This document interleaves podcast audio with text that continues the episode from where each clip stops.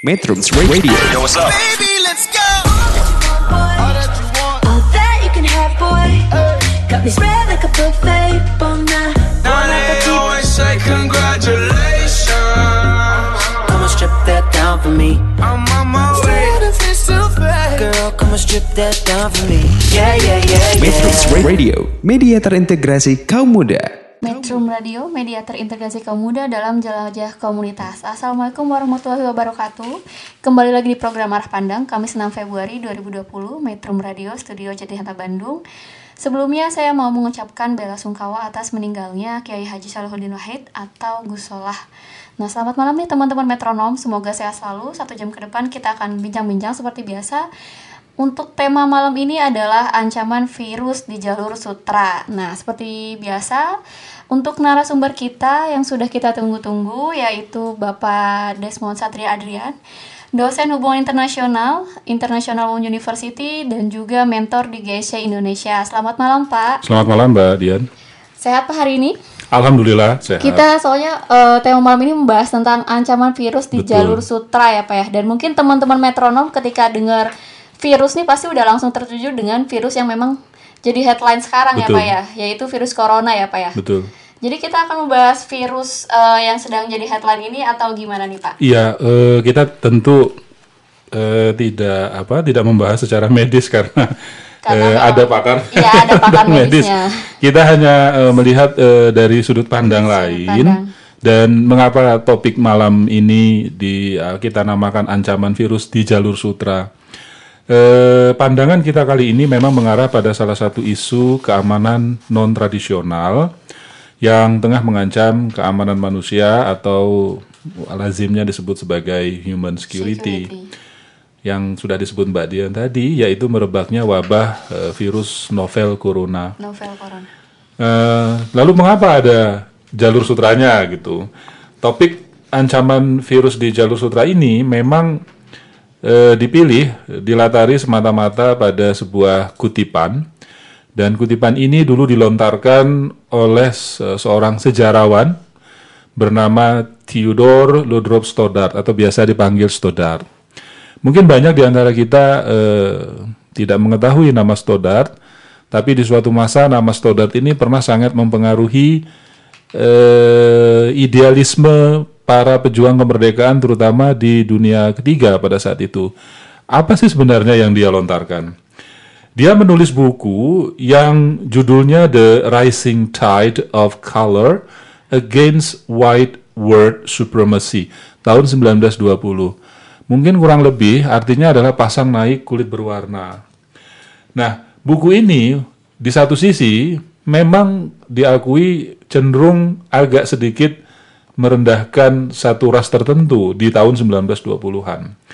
Buku ini memang cenderung menganjurkan pentingnya mempertahankan hierarki rasial yang dalam hal ini adalah orang kulit putih pada tahun 1920-an, berarti 100 tahun yang lalu ya, untuk melestarikan hegemoni rasial terhadap bangsa kulit berwarna. Memang satu sisi ini agak nggak enak ya, Iya. me- apa, me- Hanya mengetahui. eh, memihak pada satu Iya. kubu saja ya Pak ya. Tapi di sisi lain dalam buku ini, nah ini terkait dengan eh, topik kita petang ini. Ia mengatakan dengan sangat jelas dengan melalui berbagai data eh, medis, biologis, kimiawi yang dia kumpulkan di masa itu. Eh, dia mengatakan sesuatu yang sangat relevan dengan keadaan saat ini, terutama dalam masalah penyebaran virus corona. Terutama respon negara-negara, masyarakat, individu sampai level yang paling kecil dalam respon isu ini. Ini yang sangat relevan. Menurut eh, Theodore eh, Stoddard, bangsa kulit berwarna meski sudah berkali-kali menghadapi masalah ancaman kematian akibat peperangan dan ancaman penyakit, tapi kata Stoddard, mereka tetap mampu bertahan hidup. Nah, rahasia di balik ini menurut Stoddard adalah bangsa kulit berwarna memiliki sesuatu yang disebutnya sebagai instinct of self-preservation atau kurang lebih bisa diartikan sebagai naluri bertahan Bertahan hidup. hidup. Naluri bertahan hidup inilah yang muncul di antara bangsa kulit berwarna menurut Stoddard meski sudah berkali-kali di apa dihantam oleh dua masalah yang sangat terkait dengan sejarah manusia yaitu peperangan dan eh, wabah. Tapi dia tetap bertahan karena naluri ini dan naluri ini menurut Stoddard muncul karena berpegangan satu sama lain alias gotong royong Solidaritas. ya, ya? solidaritas. Nah, jadi eh, mungkin eh, mungkin 100 tahun yang lalu ini eh, sesuatu yang eh, terlalu kuno mungkin tidak sekarang, tapi kita ingatkan bahwa isu keamanan tron tradisional, terutama isu keamanan manusia, itu mensyaratkan keterlibatan semua pihak, semua aktor. Tidak hanya menjadi tanggung jawab satu negara di mana tempat itu peristiwa terjadi, tapi juga menjadi tanggung jawab negara yang lain untuk Negara yang mampu lain. mencegah. Nah, saking terkenalnya buku ini, ya, perlu kita sampaikan bahwa Presiden Soekarno sekitar tahun 1960-an memerintahkan agar diterjemahkan ke dalam bahasa Indonesia supaya dibaca luas oleh warga Indonesia saat itu tentang pentingnya naluri bertahan hidup seperti yang digambarkan Stoddard 100 tahun yang lalu. Mungkin itu, selain nanti kita ngobrol lebih lanjut. Ya, oke. Jadi eh, di pembukaan ini kita membahas tentang buku di tahun 1920-an dan memang masih relevan di zaman sekarang ya, Pak, Terutama dalam- mengingat kita ya. eh, berhadapan dengan isu yang Isu wabah ya, Pak Wabah ya. yang tidak bisa dihadapi oleh satu negara untuk menangani ini. Ya, oke eh, teman-teman metronom untuk pengantar itu saja. Tetap di Metro Radio, media terintegrasi kaum muda dalam jelajah komunitas. Metrums Radio, media terintegrasi kaum muda.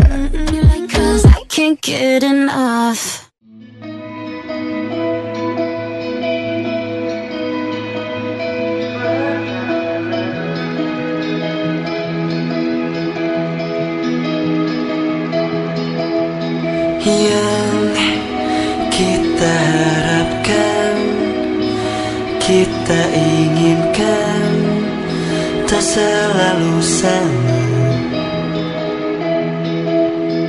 Cerita tentang kita memang pernah ada, kelak masih sama. Ibuku pernah bilang Tak peduli siapa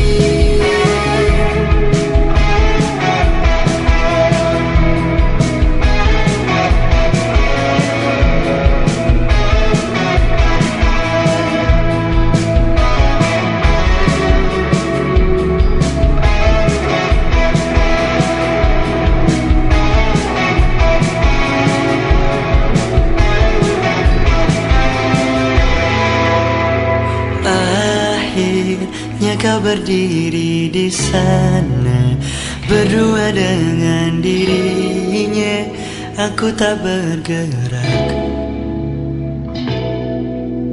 Jangan tanya aku bagaimana. Pikirkan saja semua tentang Hidup yang berjalan. Akhirnya kau berdiri di di sana. Berdua dengan dirinya. Aku tak bergerak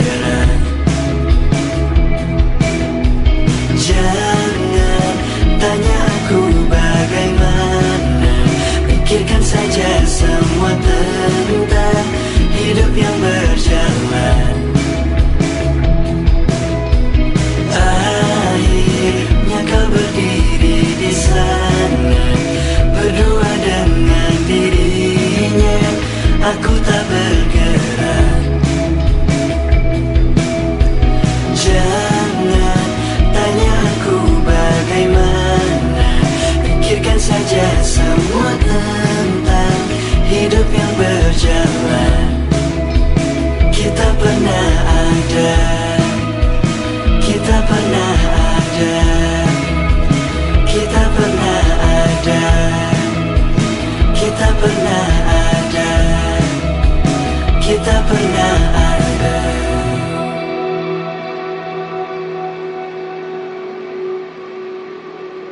Metrums Radio, Cause I can't get enough. media terintegrasi kaum muda.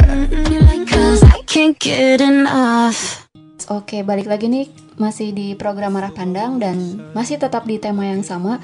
Untuk sesi kali ini seperti biasa kita membuka sesi pertanyaan nih buat teman-teman metronom yang mungkin eh, virus ini memang lagi headline sekali ya dan penasaran nih ingin mengajukan sebuah pertanyaan, kita tunggu pertanyaannya di kontak Metrum 0856 212 1029. Saya ulang lagi 0856 212 1029. Kita tunggu ya untuk pertanyaannya. Kita kembali lagi nih Pak ke obrolan Iya, kita iya. mengenai virus ya. Mungkin karena sebelumnya kita udah bahas tentang bahwa virus ini bukan tanggung jawab sebuah negara saja ya Pak ya, Betul. tapi juga tanggung jawab bersama karena Betul. memang ini eh, sesuatu yang memang sulit dicegah ya Pak ya. Iya. Dan bahkan corona ini masih belum ditemukan vaksinnya Betul. ya Pak ya. Terutama tadi masalah eh, yang disinggung Mbak Dian eh, tidak melulu menjadi tanggung jawab sebuah negara di mana virus itu pertama kali mewabah. Karena virus ini kan tidak bisa dibatasi oleh batas teritorial dan Iya. geografi.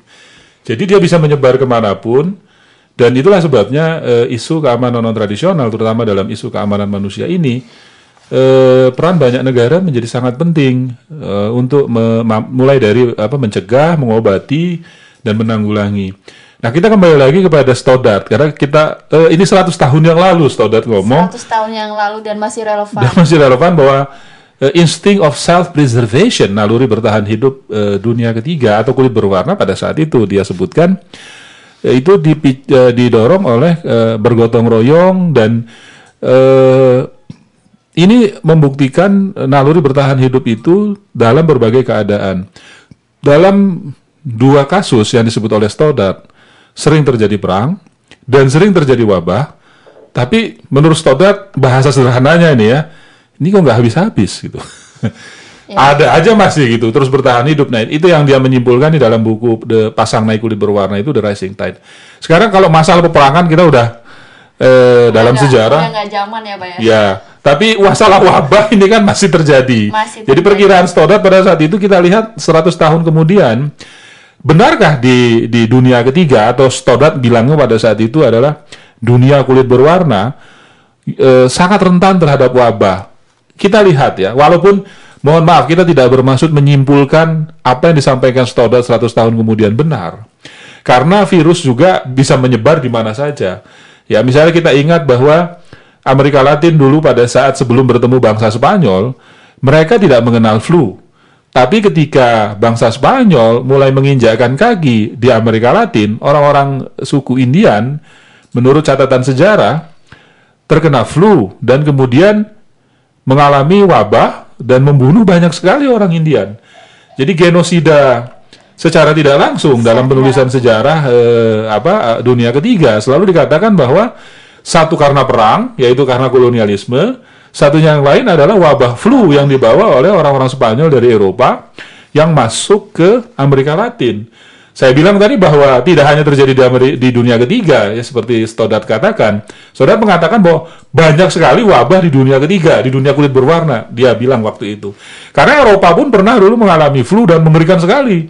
Ya, kalau tidak salah angkanya jutaan ya mereka meninggal karena wabah flu pada saat itu belum ditemukan obatnya. Nah sekarang mari kita lihat 100 tahun kemudian flu babi di jalur ini ya di dunia ketiga. Tadi kan saya menyebut jalur sutra ini kan sebenarnya hanya sebagai sebuah apa ya sebuah romantisme di zamannya Stoddard menyebut dunia kulit berwarna yang dulu sangat apa eh, ter, eh, terhubung satu sama lain dengan jalur ekonomi yang disebut jalur sutra.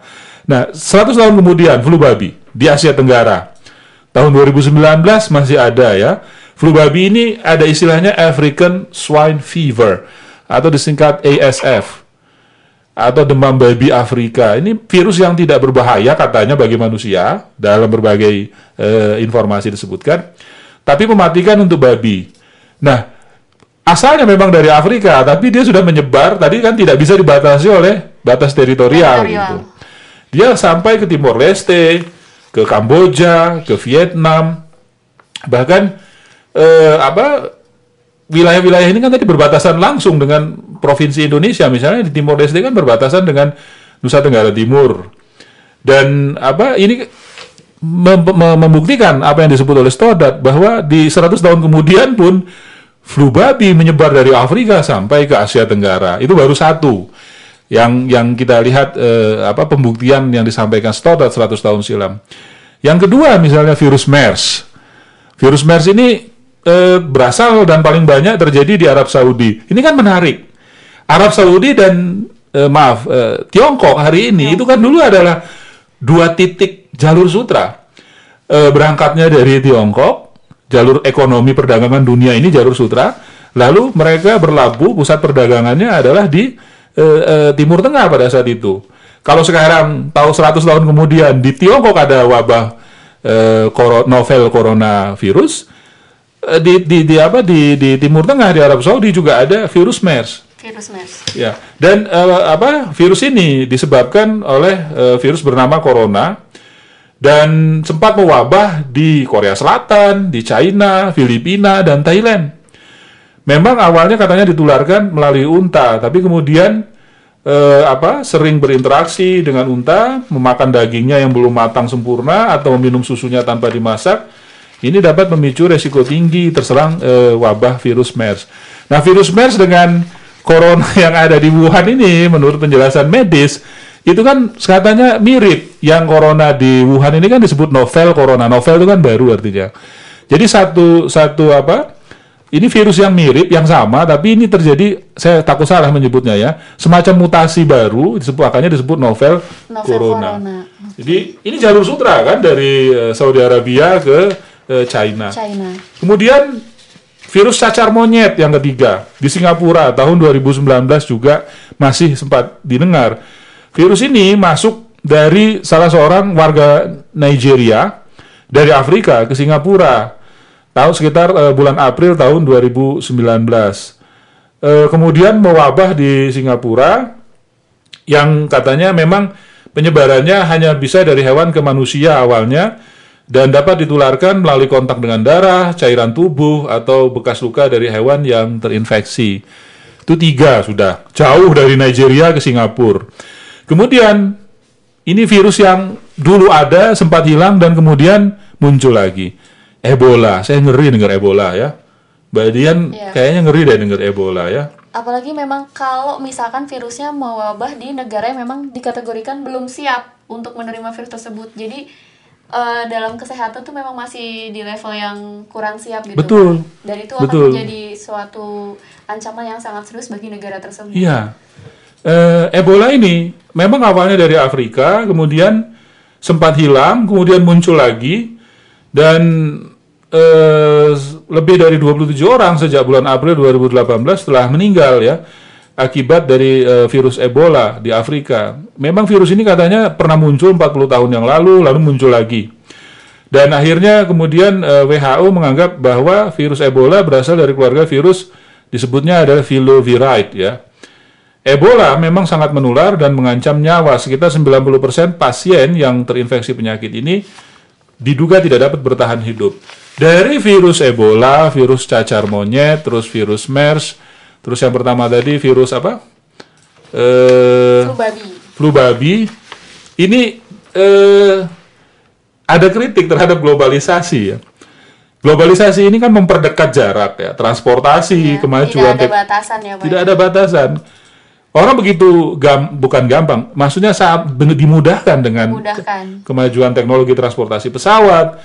Akhirnya kan penularan ini makin cepat gitu. Makin Artinya cepat. di balik globalisasi, maksudnya adalah ada apa ada kekurangan di balik Iya, globalisasi. apakah kita pernah memikirkan bahwa di balik globalisasi ini ada ancaman keamanan manusia, terutama penyebaran wabah. wabah masih kalau misalkan perang mungkin eh, bisa ada negosiasi dan Ya. masih bisa dikendalikan mungkin ya pak ya tapi kalau misalkan wabah siapa yang bisa mengendalikan Betul. Tadi kan empat virus ini dari Afrika pindah ke Asia, dari dari Saudi Arabia berkembang ke Wuhan, China. Kemudian dari Afrika ke Kamboja, Laos, Filipina sampai ke Timor Leste. Ini kan tidak mungkin terjadi begitu cepat penyebarannya kalau tidak ada apa transportasi yang memang Iya, menunjang iya begitu kurang lebih Mbak Dian. Jadi eh, perlu memang mulai kita menyadari bahwa di balik eh, di balik globalisasi ini perlu semacam mekanisme mitigasi bencana bersama. karena memang dan globalisasi ini apalagi kayak misalkan yang sekarang ini beberapa negara kan sudah mengkonfirmasi memang ada virus yang telah masuk ke negara mereka Betul. dan ini menjadi tanggung jawab bersama ya pak ya. dan Iya. memang memang asalnya dari China tapi seperti yang kita ketahui bersama ini menjadi tanggung jawab bersama karena memang sulit dikendalikan apalagi eh, kita sama-sama tahu ya untuk vaksinnya masih belum ditemukan Belum, ya pak ya. ya. Oke, teman-teman metronom, mungkin itu saja. Em, tetap di Metro Radio, media terintegrasi kaum muda dalam jelajah komunitas. Metrums Radio, Media terintegrasi kaum muda.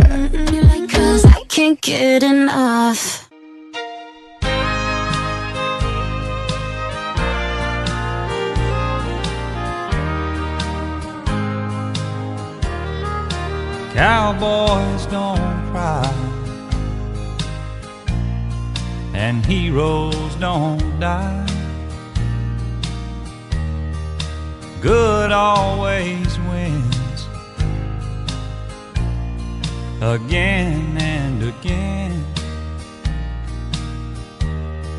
And love is a sweet dream that always comes true.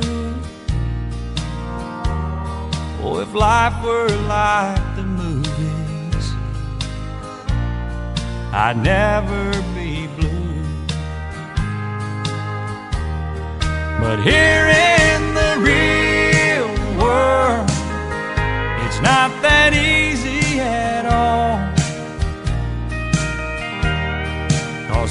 hearts get broken, it's real tears that fall. And darling, it's sad but true. But the one thing I've learned from you is how the boy don't always get the girl here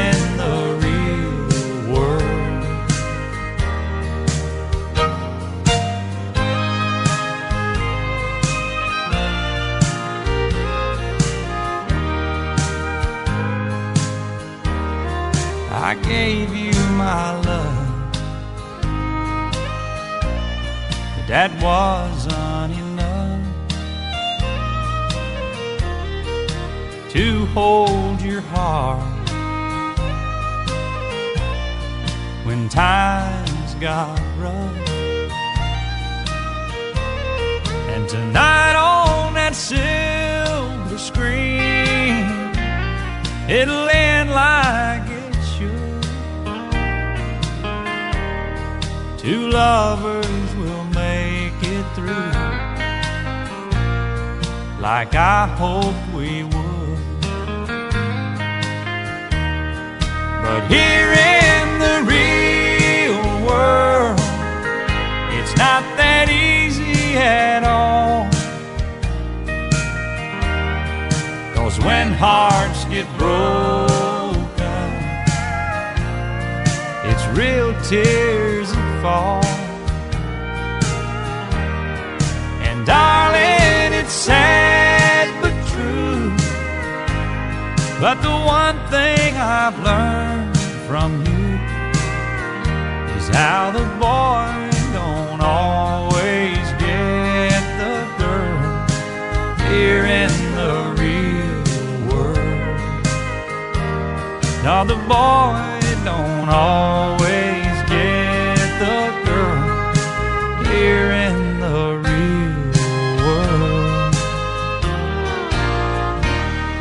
Metrums Radio, media terintegrasi kaum muda. Radio, media terintegrasi kaum muda dalam jelajah komunitas. Oke, kita kembali lagi di sesi selanjutnya, masih sama ya pembahasan kita. Ngomong-ngomong nih Pak, eh, pembahasan kita sebelumnya membahas tentang bahwa isu ini, wabah ini jadi menjadi kewajiban bersama ya. Betul. Ada salah satu film yang kemarin sempat saya tonton, Iya. yaitu The Flu. Ya. Semenjak eh, wabah corona ini jadi headline, memang film ini juga jadi Iya. cukup keangkat ya, Iya. karena memang di film ini ini garapan Korea Selatan Iya. menceritakan memang eh, di sini andil besar Hmm. ya sebuah negara berperan dalam bagaimana Hmm. solusi yang diambil sebuah negara untuk mengatasi virus yang memang menyebar begitu Hmm. cepat dan memang belum ada vaksinnya gitu pak.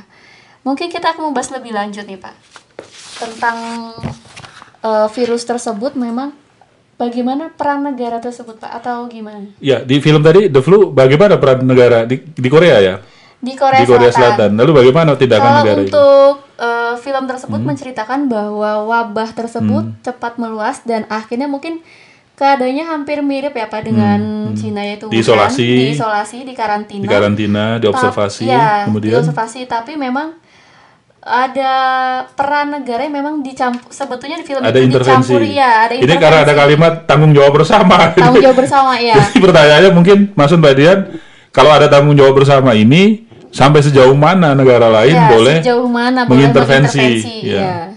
Di, di, di situ diceritakan bagaimana dalam film itu? dalam film ini menceritakan Ada aktor lain yang terlibat dalam Ya, ada aktor lain. Hmm. Eh, karena memang ini menjadi eh, sebuah urgensi bersama ya, Pak ya, termasuk negara lain yang khawatir bisa terserang karena menular begitu cepat juga ikut intervensi dalam pencegahan dan bagaimana penanganannya Ya. karena memang vaksinnya belum ada. Ya. Dengan kata lain negara lain tapi di film ini diceritakan memang negara yang misalnya superpower ikut juga berpartisipasi. Hmm, berpartisipasi memang, dalam tanda petik, eh, jangan-jangan. ya, tanda kutip tapi memang masih mungkin karena ini film ya pak ya jadi memang endingnya sih ya happy. Iya, ending iya. tapi untuk yang kita hadapi sekarang virus corona memang masih belum menemukan vaksinnya dan Hmm. seperti yang kita tahu malah negara-negara lain mungkin sekarang masih sendiri-sendiri ya pak ya iya. masih memprotek negara-negara mereka sendiri untuk bisa menjaga masyarakatnya bisa bebas dari virus corona ini Iya, ini ada ada tiga hal yang menarik dari dari apa yang disampaikan Mbak Dian ini. Yang pertama adalah kalau eh, tanggung jawab keamanan non tradisional dalam keamanan manusia adalah tanggung jawab bersama semua negara di dunia karena satu alasan bahwa wabah tidak bisa dicegah melalui teritorial. Dia bisa apalagi tadi dengan kemajuan teknologi transportasi. Lalu pertanyaannya sampai sejauh mana sebuah negara di luar negara tempat terjadinya wabah itu punya apa punya peran untuk menceg- eh, apakah bisa mengintervensi atau bagaimana. Eh, seperti yang kemarin kita lihat bahwa penjemputan warga negara Indonesia para mahasiswa di kota Wuhan ini ini kan memperlihatkan bahwa semua negara di dunia berpartisipasi tapi tetap mengikuti aturan main yang diberlakukan oleh pemerintah China. Eh, saya masih ingat sekali pernyataan salah satu eh, apa pejabat yang memimpin operasi penyelamatan ini bahwa mereka akan siap berangkat jika mendapat arahan dari Kementerian Luar Negeri RI. Dan Kementerian Luar Negeri RI pada saat itu mengatakan bahwa mereka akan menunggu informasi jadwal yang diizinkan oleh pemerintah China dan itu mendadak katanya. Dan eh, ini kan artinya bahwa kita tetap mengikuti aturan main dari pemerintah eh, China. Pada saat itu diumumkan boleh masuk dan pada saat itu hanya dua maskapai penerbangan yang masuk ke sana karena memang dua maskapai penerbangan ini ada penerbangan langsung ke sana. Tapi terlepas dari itu dalam hal ini kan kita tetap mengikuti aturan main yang berlaku di negara tempat eh, berlaku eh, terjadinya sumber wabah itu. Karena ini kan bagian dari eh, kedaulatan sebuah negara. Di sisi lain yang kedua adalah kalau ini menjadi tanggung jawab bersama, sampai sejauh mana negara-negara yang ada di di dalam apa paparan radius paparan wabah ini mampu bertahan menghadapi wabah ini. Karena kita tahu ya, tidak semua negara memiliki eh, standar fasilitas kesehatan yang sama antara negara satu dengan negara yang lainnya. Yang lain. Dan kalau misalnya mereka, eh, misalnya punya, punya, yang kedua sekarang kritiknya adalah sampai sejauh mana negara-negara yang ada dalam radius paparan ini mampu bertahan. Apakah mereka hanya bertahan sendiri atau sebaiknya dicegah dibantu oleh negara kuat yang lain kan gitu.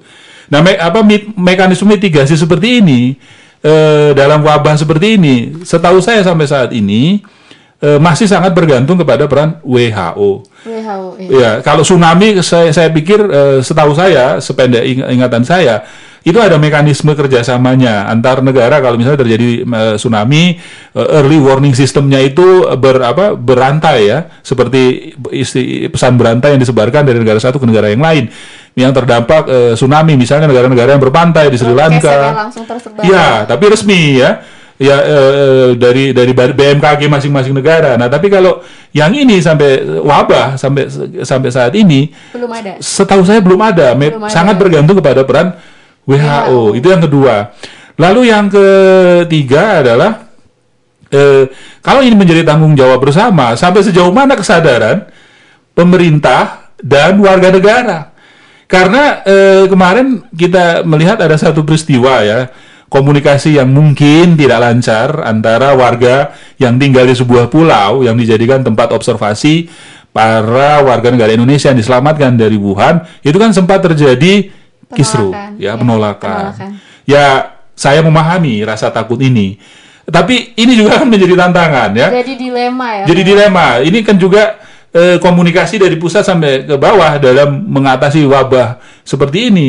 Ternyata kan bisa kita bisa kita simpulkan bahwa eh, konsep mitigasinya mungkin jangan-jangan eh, belum ada sam. Kalau bencana alam eh, sudah ada ya, ada badannya, ada mekanismenya, ada early warning sistemnya. Tapi kalau wabah seperti ini, ini kan eh, apa kita perlu mengevaluasi ini ke depan, Iya. perlu ada konsep mitigasi. Saya mem- eh, secara pribadi melihat bahwa ini adalah keputusan darurat memang ya Darurat. harus segera diambil dipilihnya sebuah daerah di di dalam wilayah Republik Indonesia dan dan ini eh, demi warga negara Indonesia juga. Cuman eh, saya pikir ini kan jadi catatan baik ya ke depan ya eh, supaya tidak memicu apa ya eh, kepanikan lokal. Kalau Kepanikan. panikan secara nasional mungkin belum ya tidak ada. Kita berharap tidak ada. Karena kita yakin bahwa pemerintah telah bekerja dengan baik eh, apa melalui observasi ini. Tapi di sisi lain, Mbak, dari dari film The Flu ini adalah kita melihat dampak eh, ancaman virus ini terhadap stabilitas ekonomi, ya. Ini yang juga eh, sering eh, yang sekarang mulai dikhawatirkan oleh sebagian besar, Iya, bukan cuma sudah- kita ya. Iya, sudah ada dari pernyataan pihak pemerintah pun kalau seandainya kita memberhentikan penerbangan, apalagi kayak ekspor impor itu akan sangat berdampak dan berpengaruh terhadap pertumbuhan ekonomi di negara tersebut ya. Iya. Apalagi kalau kita melihat pada konsentris eh, politik luar negeri RI, di mana Indonesia infrastruktur ekonominya sejak tahun 1970-an, ketika pemerintah Orde Baru menerapkan eh, diplomasi ekonomi dan diplomasi pembangunan, sebagian besar infrastruktur ekonomi Indonesia ini bergantung kepada tiga arah. Yang pertama adalah ke Asia Timur, yang kedua ke Eropa Barat, dan yang ketiga ke Amerika Serikat. Ini adalah eh, infrastruktur ekonomi yang paling konkret kita lihat. Akibatnya kalau misalnya kita lihat pada isu ini, ada dampak langsung dan dampak tidak langsung yang semua harus dilihat, harus di- di- dikaji lebih dalam. Misalnya seperti ini, sampai sejauh mana eh, tingkat ketergantungan ekspor dan impor ya pasar nasional Indonesia terhadap pasar domestiknya China. China, ya. Karena apa? Ini ada menutup penerbangan langsung dari dan ke China gitu kan. Iya. Terus kemudian ada mencabut sementara fasilitas bebas visa dari China. Dua hal yang tidak bisa ditolak. Nah, tapi dua hal yang tidak bisa ditolak ini segera kita melihat dampaknya terhadap eh, stabilitas ekonomi terutama di Indonesia karena ini kepentingan nasional Indonesia. Terus yang lain adalah misalnya eh, 3.400 turis asal China ini di- dikabarkan batal berwisata ke Bali. Eh, apa? Eh, mulai Februari 2020 penerbangan langsung dari 8 kota di China ke Manado juga akan dihentikan gitu. Mungkin ini eh, salah satu reaksi dari eh, reaksi dari masyarakat Indonesia sendiri mungkin untuk memprotek ya Pak karena memang belum ada vaksinnya sehingga jadi kekhawatiran dan akhirnya memang mereka lebih memilih. Betul. mencegah Betul. karena mencegah lebih baik daripada mengobati. Betul, betul. Belum ada vaksinnya dan ini eh, serius sekali masalah ini ya. Eh, di sisi lain, ini tadi baru baru pembatalan penerbangan ya. Eh, katanya antara dari 14.915 juta wisatawan mancanegara yang berkunjung ke Indonesia pada tahun 2019 itu 12,67 persen itu semua datang dari China. Bayangkan Dari dari China. 14.915 juta 12 persen di antaranya 12,87 persen itu datang dari China.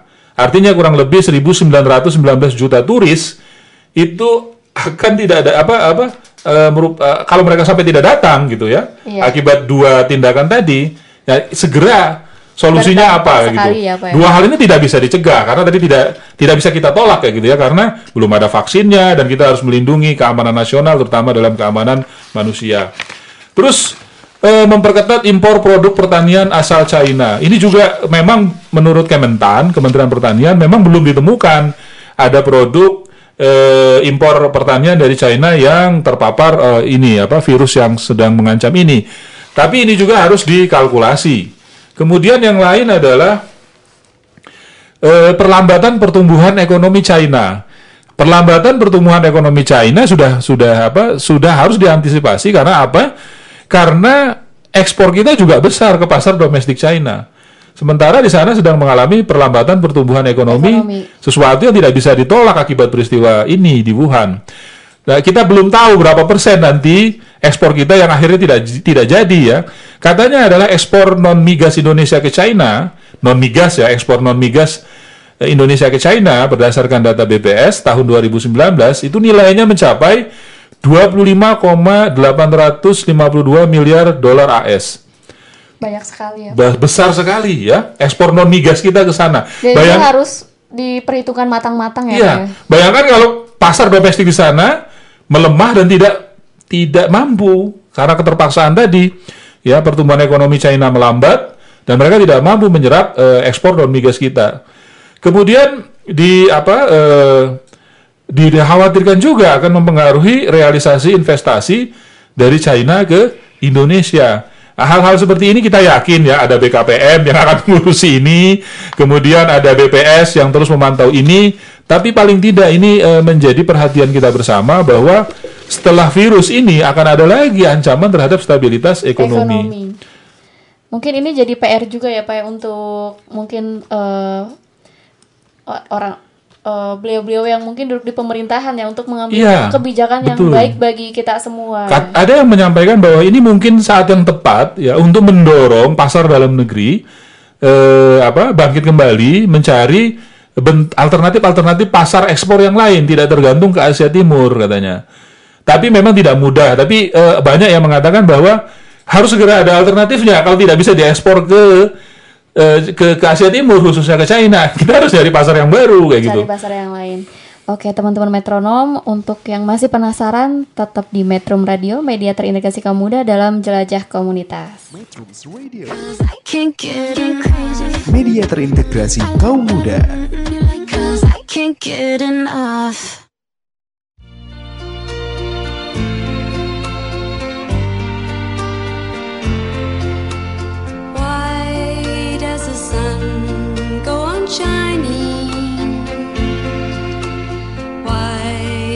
the sea rushed to shore.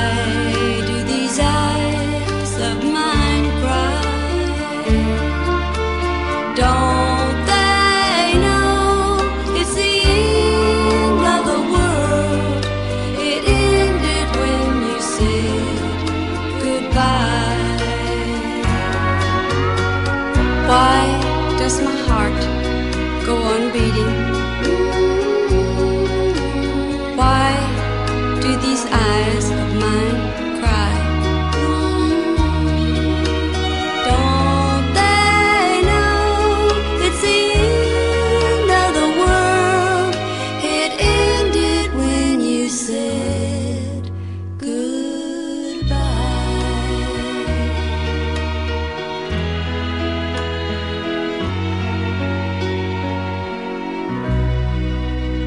Metrums Radio, Cause I can't get enough. media terintegrasi kaum muda. Metrum Radio, media terintegrasi kaum muda dalam jelajah komunitas. Oke, kita masuk di sesi terakhir ya teman-teman metronom. Tapi saya mau infokan juga untuk teman-teman yang nggak sempat dengerin kita secara langsung, boleh dengerin kita melalui radio online yaitu di Anchor FM atau di Spotify. Nah, kita lanjut lagi nih untuk bahasan kita malam ini Pak. Mungkin untuk eh, sesi terakhir ini kita lebih kepada kesimpulan aja ya Pak ya. Iya. Iya, kembali lagi eh, kita ingin mengingatkan para pendengar radio Metrum bahwa eh, isu ini bisa dilihat dari berbagai eh, apa perspektif. Yang kita ingin eh, malam ini adalah eh, disadari oleh para pendengar, dia bisa dilihat dari isu keamanan manusia. Keamanan manusia. Jadi wabah ini terkategori dalam isu keamanan manusia dan dalam isu ini tanggung jawab penanganan tidak melulu oleh pemerintah negara tempat wabah merebak. Tapi semua negara di dunia ikut bertanggung jawab Bertanggung dengan cara dan kemampuan masing-masing. Nah, di sinilah titik kritisnya. Karena kemampuan kesehatan, eh, fasilitas kesehatan setiap negara berbeda-beda. Berbeda-beda. Nah, bentuk tanggung jawab itu adalah melalui yang paling konkret adalah membangun solidaritas. Ini adalah kuncinya. Melalui solidaritas yang dibangun bersama, upaya untuk mencegah penyebaran dan dampak-dampak lain yang lebih buruk dapat dimitigasi secara bertahap dan terkoordinir. Nah, ini tadi yang eh, beberapa kali disampaikan bahwa dalam isu keamanan manusia perlu ada apa semacam mitigasi bencana yang terkoordinir di antara negara satu dengan negara yang lainnya. Dan ini sudah sudah dibuktikan saat ini. Eh, misalnya ada ada peran dukungan Jepang yang katanya dikabarkan mengirimkan bantuan masker ke Wuhan, entah benar atau tidak. Eh, mudah-mudahan itu menjadi salah satu bentuk solidaritas. Kemudian eh, keterlibatan Jerman dan Finlandia yang dikabarkan juga eh, apa menjadi contoh ya dukungan negara-negara di dunia terhadap penanganan virus corona di Wuhan. Eh, minimal sekarang eh, kita sebagai individu ya dalam analisa dalam wacana individu kita menghindari membagikan ulang pesan berantai yang mengandung hoax tentang virus ini juga sudah merupakan bentuk solidaritas yang paling konkret guna mencegah timbulnya kepanikan di publik. Jadi ini kan sudah katanya kabarnya dua hari yang lalu Mbak Dian. Kayaknya mirip dengan keadaan kemarin pas Ya. awal-awal virus ini mulai naik ke permukaan. Memang kita semua panik Ya. dan banyak sekali berita-berita yang kita dapatkan dan masih belum jelas itu. Ya. Pak. Dan Ya. itu menimbulkan kepanikan. Betul. Sangat-sangat menimbulkan Saya kepanikan. juga ikut panik. gitu. Iya, saya mendengar dirjen salah satu dirjen di Keminfo mengatakan bahwa minggu lalu itu teridentifikasi 52 berita hoax yang merupakan eh, apa sumber kepanikan di masyarakat walaupun kepanikannya belum sampai pada level level yang eh, yang yang apa yang parah ya. Yang parah. Tapi masyarakat sempat saya yakin yang membacanya ikut was-was ya. Hal-hal hoax yang kadang-kadang membuat kita kok tega-teganya menari di atas kepedihan ya. Eh, ini kan masalah serius, ini masalah kemanusiaan, ini masalah tragedi, Bukan masalah tragedi kemanusiaan. bisa gampang Iya. digoreng dengan enak ya Pak ya. Iya, ini kan juga tidak menutup kemungkinan bisa terjadi di mana saja, termasuk juga di tempat kita. Tadi misalnya virus babi dari Afrika sampai ke sampai ke Timur Timur yang sangat dekat sekali dengan wilayah provinsi NTT, wilayah Republik Indonesia. Eh, itu jadi solidaritas yang paling konkret itu itu. Kemudian dalam keadaan genting seperti sekarang, ya apa yang diungkapkan oleh Stoddard 100 tahun silam terasa sangat relevan dalam isu keamanan manusia, yaitu naluri bertahan hidup yang muncul dari konsep berpegangan satu sama lain yang atau disebut dengan gotong royong. Nah, eh, dalam gotong royong menghadapi isu keamanan manusia ini, ini kan ada satu kritik yang paling eh, apa tajam adalah perbedaan penguasaan sumber ilmu pengetahuan. Ya. Jadi eh, antara negara yang kuat dengan negara yang tidak kuat ini ter- ada semacam kesenjangan ya. Kesenjangan. Eh, banyak sekali contoh bahwa virus dilakukan eh, ada penelitian virus dilakukan di sebuah negara tertentu. kemudian dibuatkan antivirusnya, lalu dijual kembali ke negara itu. Jadi ini kan masalah akses kepada eh, sumber ilmu pengetahuan atau sumber pengetahuan produksi biasanya disebut. Nah, terkait dari masalah ini kita sudah eh, tahu bahwa mitigasi perlu dilakukan bersama, kita perlu eh, ber- bersolidaritas kuncinya seperti yang digambarkan oleh Stoddard 100 tahun yang lalu sangat relevan. Dan ada masalah tentang tidak ke, apa ya ketidaksetaraan atau kesenjangan dalam sumber pengetahuan produksi terutama dalam kes- eh, penanganan kesehatan. Sa- rasanya kita harus mengatakan ini sebagai penutup Mbak Dian. Bahwa mungkin rasanya ke depannya untuk negara-negara mau ke depannya harus ada tindakan yang khusus dan bagaimana pencegahannya tuh memang kita harus sudah merumuskan itu ya pak sebagai negara-negara. Itu bagaimana caranya? Karena virus itu memang sesuatu yang memang sulit dikendalikan. Iya, dan ini kan tergantung kepada peran WHO, gitu kan tadi. Jadi eh, eh, rasanya kita eh, menutup obrolan malam ini ya gitu ya. De- eh, kritik yang terakhir tadi yaitu tentang kesenjangan penguasaan ilmu pengetahuan, pengetahuan. dalam dalam kesehatan, terutama menghadapi ini. Jadi eh, rasanya sudah tepat kalau kalimat ini diulangi kembali bahwa tidak ada tempat bagi siapa pun yang menjunjung tinggi nilai kemanusiaan untuk menguasai ilmu pengetahuan hanya untuk kesenangan pribadi, menguasai ilmu pengetahuan hanya untuk mempersolek diri sendiri, menguasai ilmu pengetahuan untuk membanggakan diri sendiri. Karena apa? Karena ilmu pengetahuan sesungguhnya berhutang budi kepada kerakyatan. Oke, ini menjadi kata-kata yang sangat-sangat mungkin menjadi pembelajaran bagi kita semua nih Pak ya. Terima kasih untuk penutupnya malam ini Pak. Kita sudah berbincang satu jam dan saatnya kita pamit undur diri. Oke teman-teman metronom, saatnya kita pamit undur diri. Sampai ketemu di Kamis depan. Tetap di Metro Radio, media terintegrasi kaum muda dalam jelajah komunitas. Metro Radio. Baby, let's go. Can have, boy. Got me spread like a buffet, bon night. Now they always say congratulations. Come and strip that down for me. I'm on my way. Face to face. Girl, come and strip that down for me. Yeah, yeah, yeah, Metro. Radio. Media terintegrasi kaum muda.